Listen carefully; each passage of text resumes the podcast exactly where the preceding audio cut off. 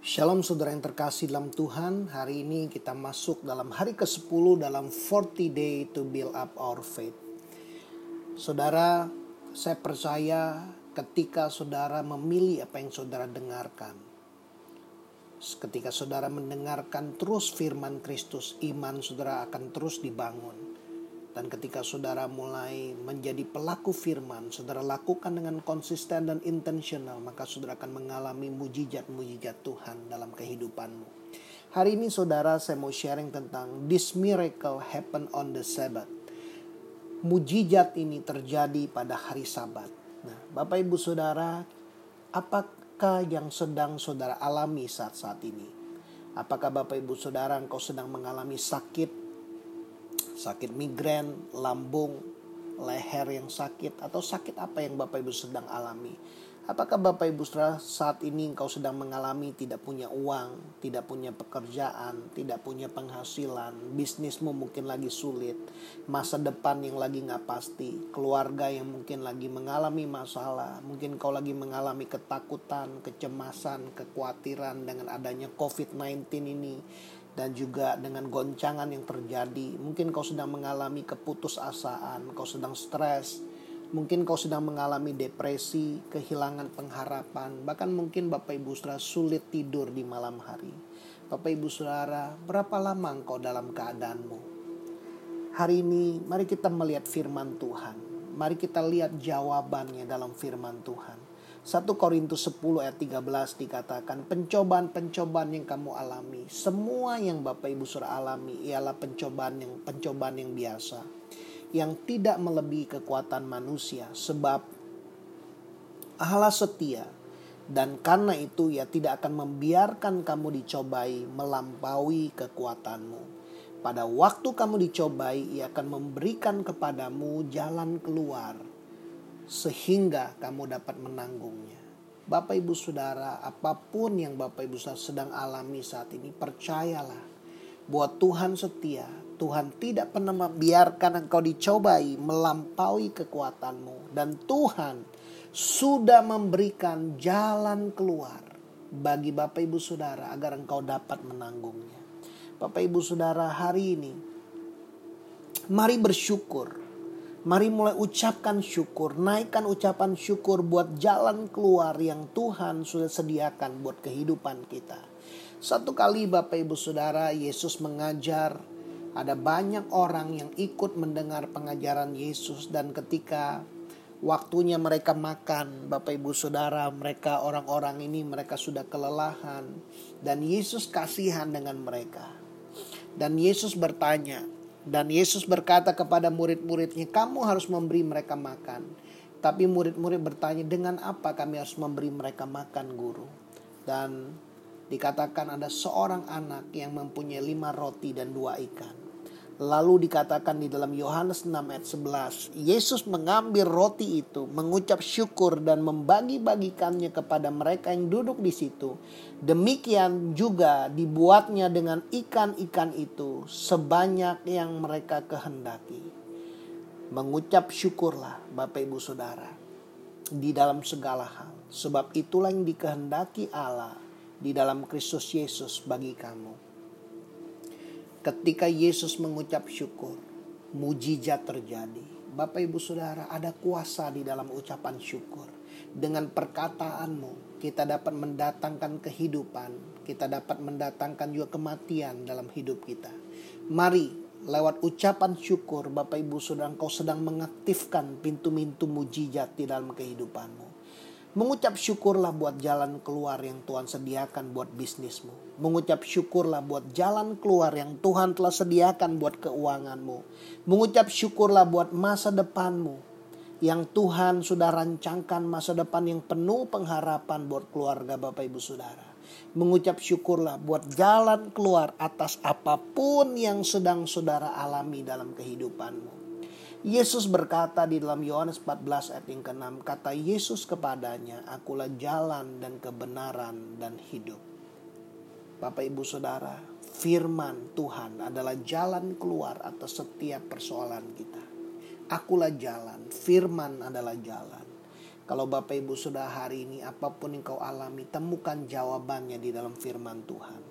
Mazmur 119 ayat 105 dikatakan firmanmu itu pelita bagi kakiku dan terang bagi jalanku. Lewat firman Tuhan akan menunjukkan jalan-jalan yang harus engkau lalui. Yesus datang dikatakan di dalam Yohanes 10 ayat 10. Yesus datang agar kita memiliki hidup dan mempunyainya dalam segala kelimpahan.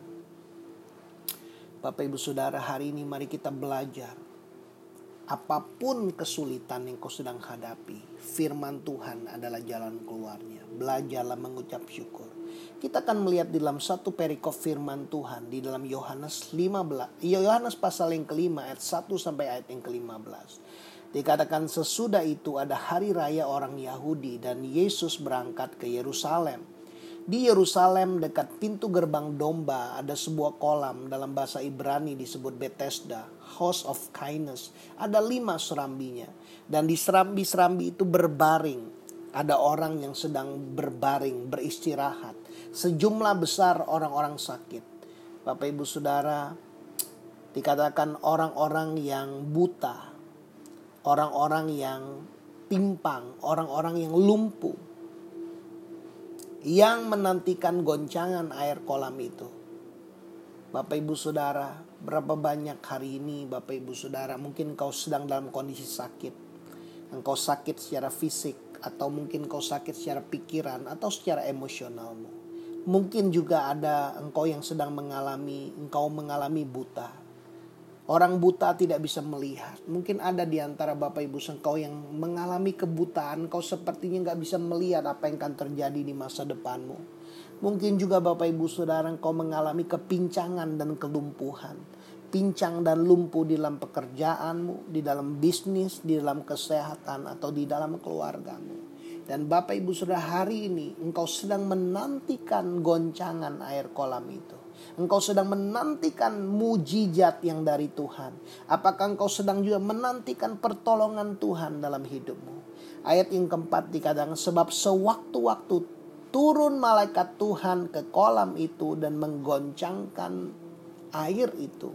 Barang siapa yang terdahulu masuk ke dalamnya sesudah goncangan air itu menjadi sembuh. Apa pun juga penyakitnya.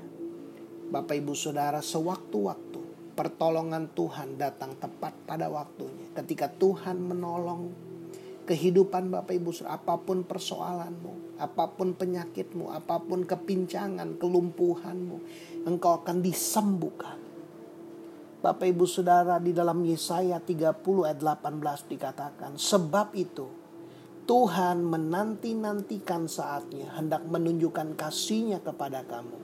Sebab itu ia bangkit hendak menyayangi kamu, sebab Tuhan adalah Allah yang adil. Berbahagialah semua orang yang menanti-nantikan Dia. Bapak, ibu, saudara, Tuhan mengingatkan hari-hari ini, mari menanti-nantikan Tuhan, sebab sewaktu-waktu Tuhan datang, ketika Tuhan datang, apakah Tuhan menemukan engkau sedang menanti-nantikan Dia?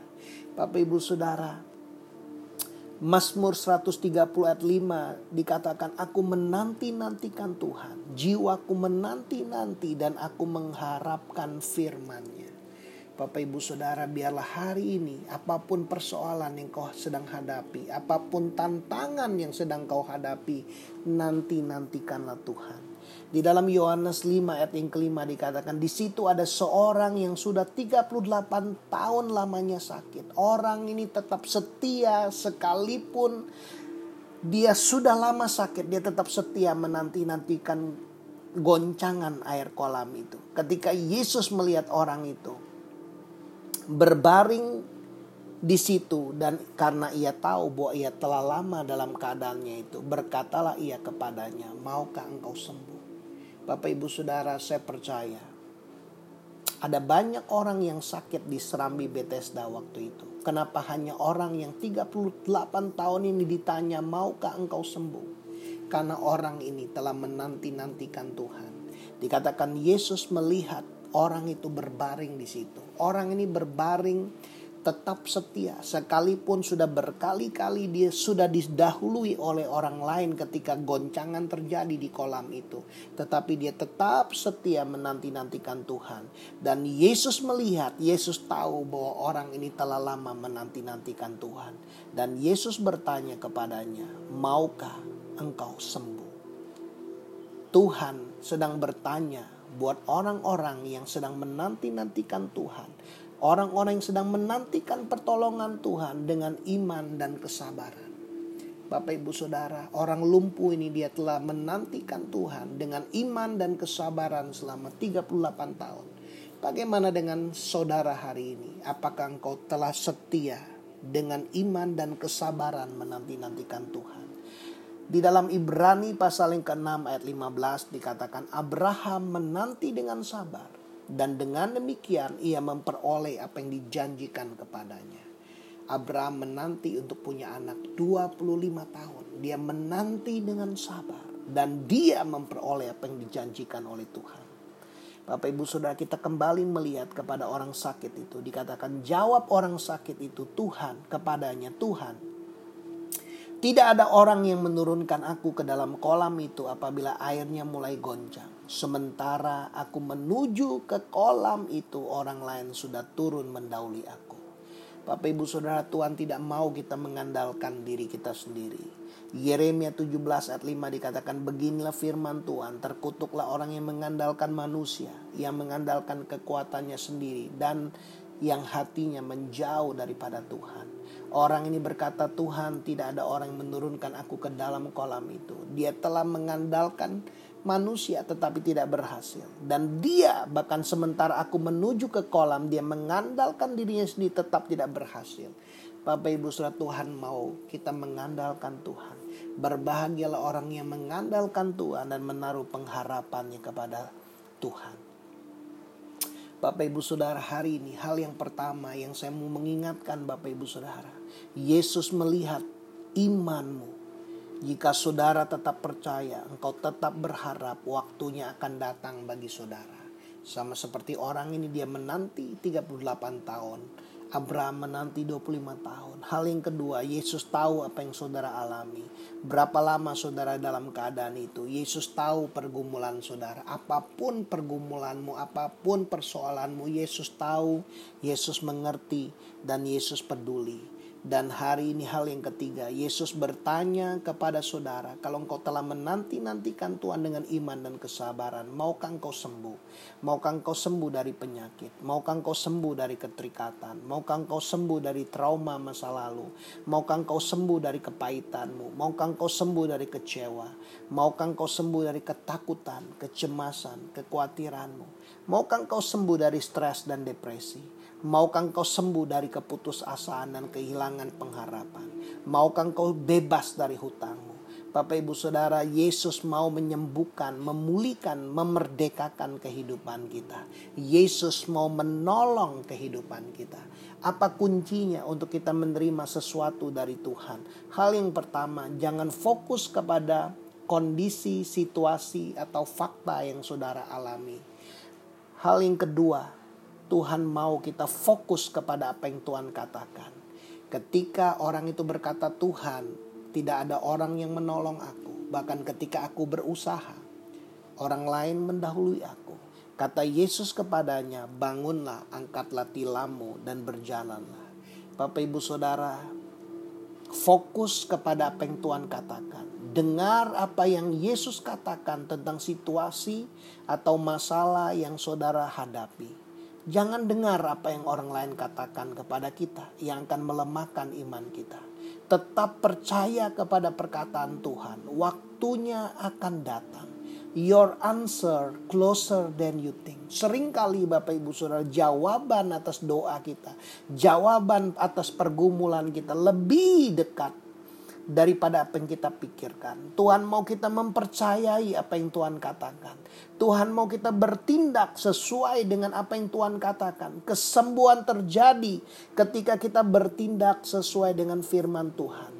Tuhan mau kita bertindak sesuai apa yang Tuhan katakan dan kesembuhan terjadi ketika kita bertindak sesuai dengan firman Tuhan. Di ayat yang ke-9 dikatakan pada saat itu juga sembuhlah orang itu lalu ia mengangkat tilamnya dan berjalan.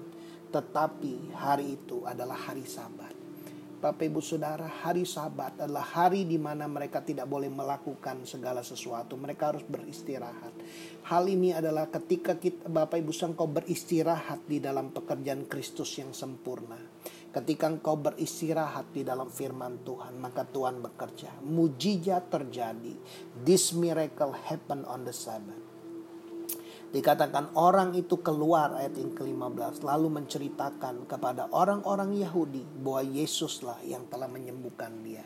Saya percaya Bapak Ibu Saudara, apa pun persoalan, apa pun tantangan, apa pun pergumulan yang kau alami, ketika engkau hari ini mendengarkan firman Tuhan, Yesus tahu, Yesus peduli, dan Yesus sedang melihat dan mencari orang-orang yang menanti dengan iman dan kesabaran Tuhan bertanya, maukah engkau sembuh? Hari ini jangan fokus kepada situasi, kondisi, fakta yang kau sedang alami. Fokuslah kepada apa yang Tuhan katakan.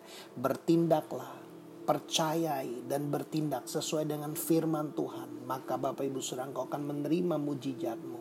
Bapak Ibu Saudara dikatakan orang itu keluar Bayangkan 38 tahun dia terpenjara, dia hanya berbaring di dekat kolam Bethesda menantikan dan selama 38 tahun itu berkali-kali dia didahului oleh orang lain.